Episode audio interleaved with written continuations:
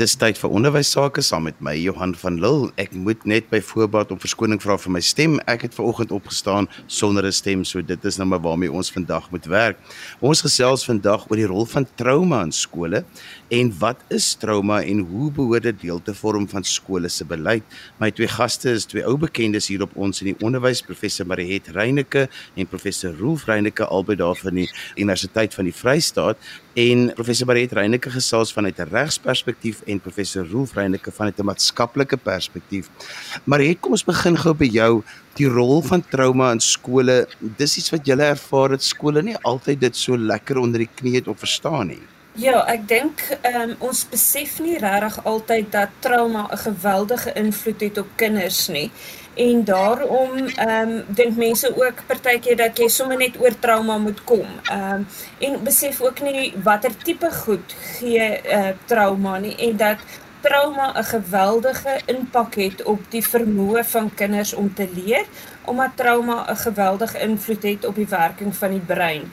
So ehm um, daar natuurlik het ons die brein nodig om te dink. So ons ons voel dis geweldig belangrik dat skole moet verstaan wat is trauma ehm um, wat veroorsaak trauma en dan meer belangrik hoe dit ehm um, beheer moet word en natuurlik ook wat 'n skool kan doen om 'n kind wat trauma ervaar te help sodat die kind uiteindelik beter kan leer.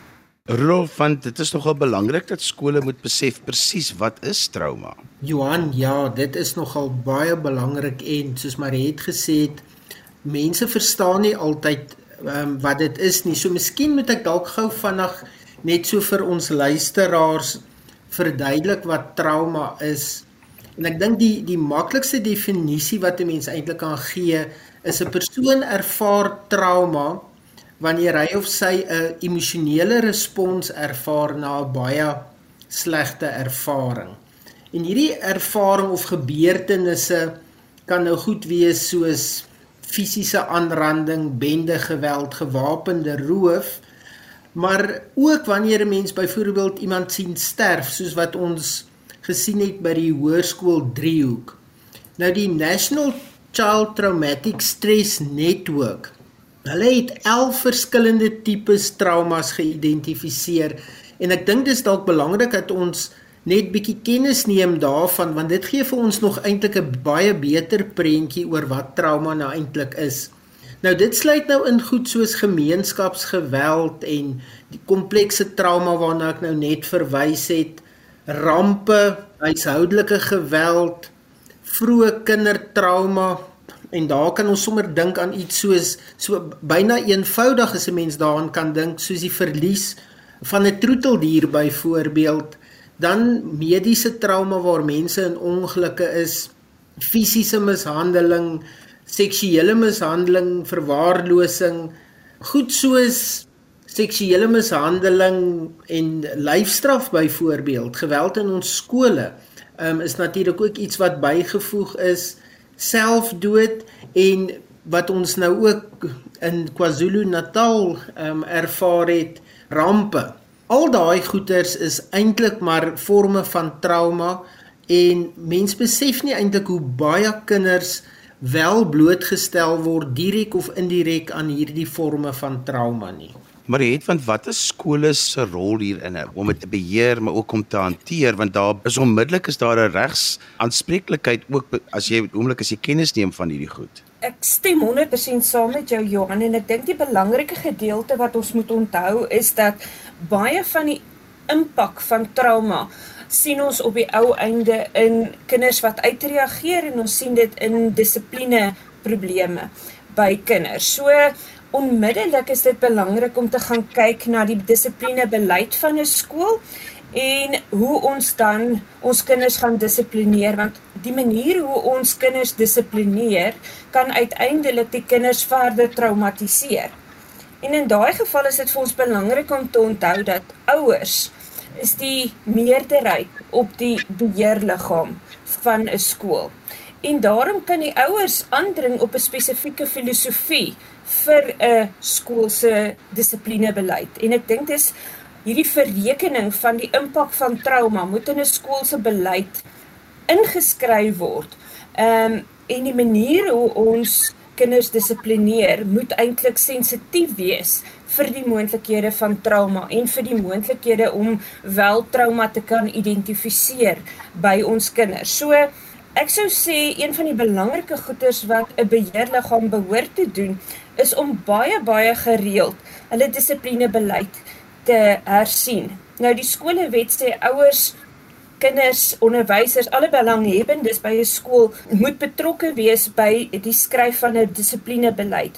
Maar wat ons in die in die in die uh, praktyk beleef is dat skole selde indien ooit 'n dissiplinebeleid um hersien waar ouers, kinders, die hele um skoolgemeenskap betrek word. So die beheerliggaam sal dalk 'n reël of twee bysit of goed verander, maar hierdie proses om werklik te kyk wat wil ons en hoe wil ons dissiplineer word nie deur 'n behoorlike proses gehanteer en en as ons weet van trauma en die impak daarvan dan vereis dit eintlik dat ons hele skoolgemeenskap moet gaan herbesin oor hoe ons kinders gaan dissiplineer en dat ons dan regtig waar 'n kultuurverandering by ons skole uh, meebring. Rolf, ek wil terugkom na wat jy als gesê het van wat trauma als is en die verskillende tipes trauma. Hoekom sou dit na binne 'n skool se dissiplinebeleid dan opgeneem moet word? As 'n mens kyk na wat is die gevolge van van hierdie dissipline probleme um, in die skool, dan sal 'n mens dalk ook verstaan hoekom dit in ag geneem moet word in die beleid. Weet probleme wat wat kinders mee presenteer wat wat aan trauma blootgestel het is byvoorbeeld leerprobleme. En hierso dink 'n mens in terme van kinders wat sukkel met probleemoplossing, kinders wat sukkel om te leer, kinders wat nie noodwendig die gevolge van hulle gedrag verstaan nie en selfs soms ook um aandag afleibare gedrag uh openbaar. Dan dalk 'n bietjie nog nader aan die probleem van dissipline is as 'n mens kyk na spesifieke gedragsprobleme wat hierdie kinders openbaar. So dan dink ons aan goed soos ehm um, lae impulskontrole. So hulle sal sommer baie maklik 'n ander kind beseer wat net skeef na hom of haar kyk of of uitreageer teenoor 'n onderwyser. Mense sien ekstreme reaksies van hierdie kinders in die vorm van woede en hartseer en aggressie, selfbesering. Daai goed. So en dit is die goed waarmee ons onderwysers baie baie sukkel. Nou As ons nou hierdie uitreagerende gedrag op die verkeerde manier hanteer, veral as ons dit vanuit 'n baie sterk strafgerigte benadering hanteer, dan vererger ons eintlik net hierdie probleem. So as ons as ons in ag neem in ons beleid, in ons dissiplinebeleid dat ons moet kyk na hierdie goed en ons moet bedag wees daarop dat daar 'n baie sterk moontlikheid is dat baie van hierdie kinders met gedragsprobleme dalk wel aan trauma blootgestel kan word en ons dissiplinebeleid maak voorsiening daarvoor, dan sal ons byvoorbeeld verwag van onderwysers as deel van die dissiplinebeleid om bietjie anders te kyk na die kind wat voor hom of haar sit. Maar dit sal ook beteken dat daar addisionele hulpbronne beskikbaar moet wees om hierdie kinders te help. En dis waar ons skoolmaatskaplike werkers inkom, ons skoolsielkundiges, en waar skole nie ehm um, oor daai mense se dienste beskik nie, kan 'n mens dit altyd met 'n uh, nie regeringsorganisasies ehm um, ek dink net maar byvoorbeeld aan aan Childline Vrystaat in ons omgewing of Engo of daai welsynsorganisasies met hulle kontak maak om dan te help om dienste te lewer. En al hierdie hierdie moontlike aksies dink ek moet in die in die beleid van die skool wees sodat die ouers bewus is daarvan hoe die skool na na ehm um, dissipline kyk en die ouens ag die ouers nie noodwendig verwag dat dat daar altyd 'n 'n strafgerigte aksie ten opsigte van hierdie kinders moet wees nie, maar wel gepoog word om hierdie kinders te help om hulle gedrag te verander. Maar hierdie realiteit is baie keer dat sê maar 'n kind het 'n impulsbeheer probleem, ADHD, so sy swakheid is nou dat hy te vinnig reageer, dan slaan hy 'n ander kind. Die skoolbeleid sê so 'n kind moet eintlik dan nou strafregtelik al vervolg word binne die skool se konteks en eintlik weet jy as onderwyser of as hoof dat hierdie kind eintlik nie beheer gehad daaroor nie en dis daar's 'n groter konteks en dit veroorsaak nou 'n klomp trauma. So dis baie keer die realiteit waarmee die skole die beheerliggaam sit dat daar nou albei kante van 'n saak is. Dit is inderdaad so Johan. Ek kan dalk net verwys na die skolewet wat bepaal dat wanneer 'n kind um, in 'n dissiplinêre uh, situasie is, moet daar ondersteuning en berading gegee word vir die kind. So dis die eerste belangrike ding is dat ehm um, die wet skryf voor dat ons ondersteuning en berading moet gee. Maar dan moet ons ook onthou dat wanneer hierdie kind wat getraumatiseer is 'n ander kind slaan of tuister of wat die wat die gedrag ook al is, traumatiseer dit ook die, die maatjie wat nou 'n slagoffer word van daardie ehm um, daardie gedrag. So dit illustreer eintlik maar net verder hoe verskriklik belangrik dit is dat ons skole trauma sensitief moet wees want op die ou einde is dit nie net die kind wat met die oorspronklike trauma ge ehm um, gekonfronteer is wat swaar kry nie. Dit is ook daardie kind wat begin uitreageer se reaksies op ander kinders wat nog meer kinders traumatiseer en laat swaar kry. En juist daarom is dit belangrik dat ons skole sensitief moet wees en dit insluit in hulle in hulle beleide. Ehm um, as ek mag aangaan net om sommer verder sê oor wat ek dink belangrik is vir 'n skool se beleid is ehm um, die skool moet nie net sê ons neem kennis van uh trauma nie. 'n Skool se beleid behoort ook te sê dat um, ons as beheerliggaam gaan um, 'n beleid hê vir ondersteuning en berading vir ons kinders. Daarom gaan die skool in hulle begroting voorsiening maak vir hierdie tipe dienste. Hulle gaan 'n definitiewe poging aanwend om netwerke op te bou om ehm um, getraumatiseerde kinders te help dan dink ek is belangrik dat 'n skool se beheerliggaam in sy begroting moet voorsiening maak vir die opleiding van die onderwysers sodat elke onderwyser die vermoë het om trauma te kan identifiseer of ten minste sensitief te wees daarvoor en die kinders te kan verwys na die vir die nodige hulp. En ek dink dis dis dis belangrik dat ons onderwysers bemagtig moet word van wat is dit, hoe werk dit en dat hulle weet waarvoor om uit te um, om uit te kyk.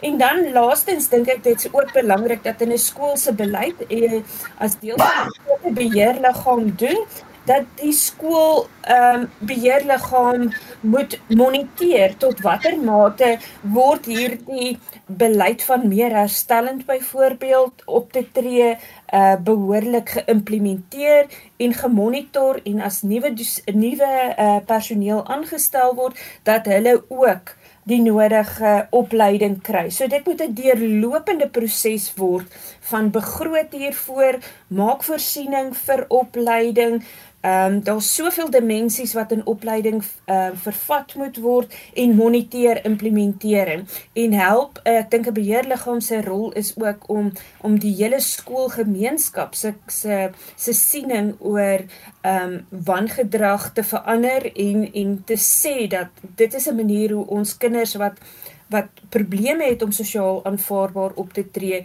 ook te help byvoorbeeld deur ehm um, die nodige ondersteuning en berading om sosiaal aanvaarbaar te begin optree. Rolf, ek wil nou vir jou die geleentheid gee om aan te sluit by wat Marie het gesê het. Johan, miskien moet ons dalk ook 'n bietjie bietjie verder prakties raak, maar jy het dit nou bietjie prakties geraak in terme van van die beleid.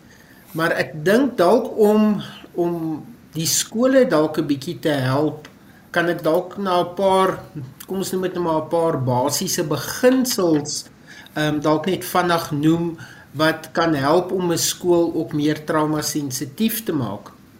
Nou die eerste belangrike beginsel is om 'n veilige omgewing te skep. Nou as ons werk vanuit 'n trauma perspektief dan dan weet ons dat hierdie kinders is gereeld in hulle veg, vlug of vries ehm um, respons wat wat 'n neurologiese respons is. So ons moet dan of die skool moet dan 'n veilige omgewing skep waar die waar die kind voel dat ek hoef nie heeltyd weg te hardloop nie. Ek is nie in gevaar nie.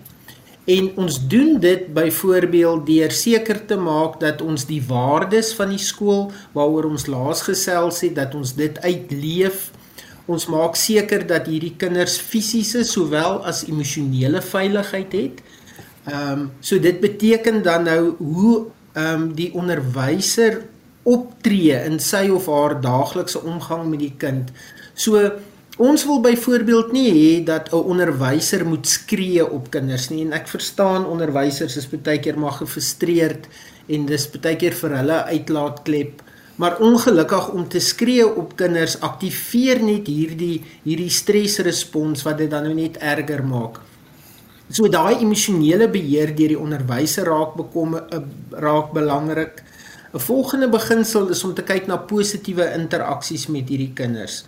So om koneksie te maak met hierdie kind om vir die kind al gee hy vir jou baie moeilikheid uh die gevoel te laat kry maar hy of sy is tog belangrik en jy werk aan daai interpersoonlike verhouding om openheid en deursigtigheid te hê sal ook belangrik wees om te praat oor hierdie goed om nie noodwendig kinders te bespreek in die personeelkamer nie um, want ek dink nie dis dis die beste manier om dit te doen nie, maar om die beginsels te te bespreek van hoe kan ons um, die kinders help? Hoe kan ons meer oop wees om om om dinge te doen? Dan 'n volgende ding dink ek sal belangrik wees om kultureel ehm um, responsief te wees ehm um, in ons skole. Ek dink baie van ons skole deesdae is baie meer kultureel divers as wat dit in die verlede was. So dit sal belangrik wees om dan nou ook sensitief te wees teenoor die behoeftes van ook van die minderheidsgroepe. Verdere beginsel is dan die ondersteuning om ondersteuning te gee, maar het dit nou ook bietjie daarna verwys. En ehm um, dan dink ek om wederwysige respek vir mekaar te hê is 'n baie baie belangrike ding waar ouers en leerders en onderwysers saamwerk om hierdie probleme op te los. En dis waar ons herstellende aksies inkom in deur middel van van gesprekke en probleemoplossing en dis meer. En ek dink dan die laaste beginsel waarna ek graag wil wys is dan nou ook die bemagtiging van nie net die die onderwysers deur deur verdere opleiding nie um, maar ook vir kinders om om hulle hulle die geleentheid te gee om hulle stemme te laat hoor om hulle die geleentheid te gee om te praat oor goed wat in hulle lewe omgaan en daar kan ons van sirkels gebruik maak en ook om vir hulle keuses te gee. Ehm um, en daaroor ons ek dink ons het laas gepraat oor die herstellende gesprek waar waar die leerder eintlik dan nou deel vorm van die proses oor hoe gaan ek regmaak dit wat ek verkeerd gedoen het. So daar's dalk 'n paar paar basiese beginsels wat 'n mens in ag kan neem om jou skool 'n bietjie meer trauma sensitief te maak. Maar het jy net verwys na die skolewet wat sê dat dan moet ondersteuning en berading gegee word. Vertel ons net so klein bietjie meer, omskryf dit so klein bietjie meer en ook dan wat is die onderwyser se verpligting wat hy dan eintlik moet nakom of die skool se?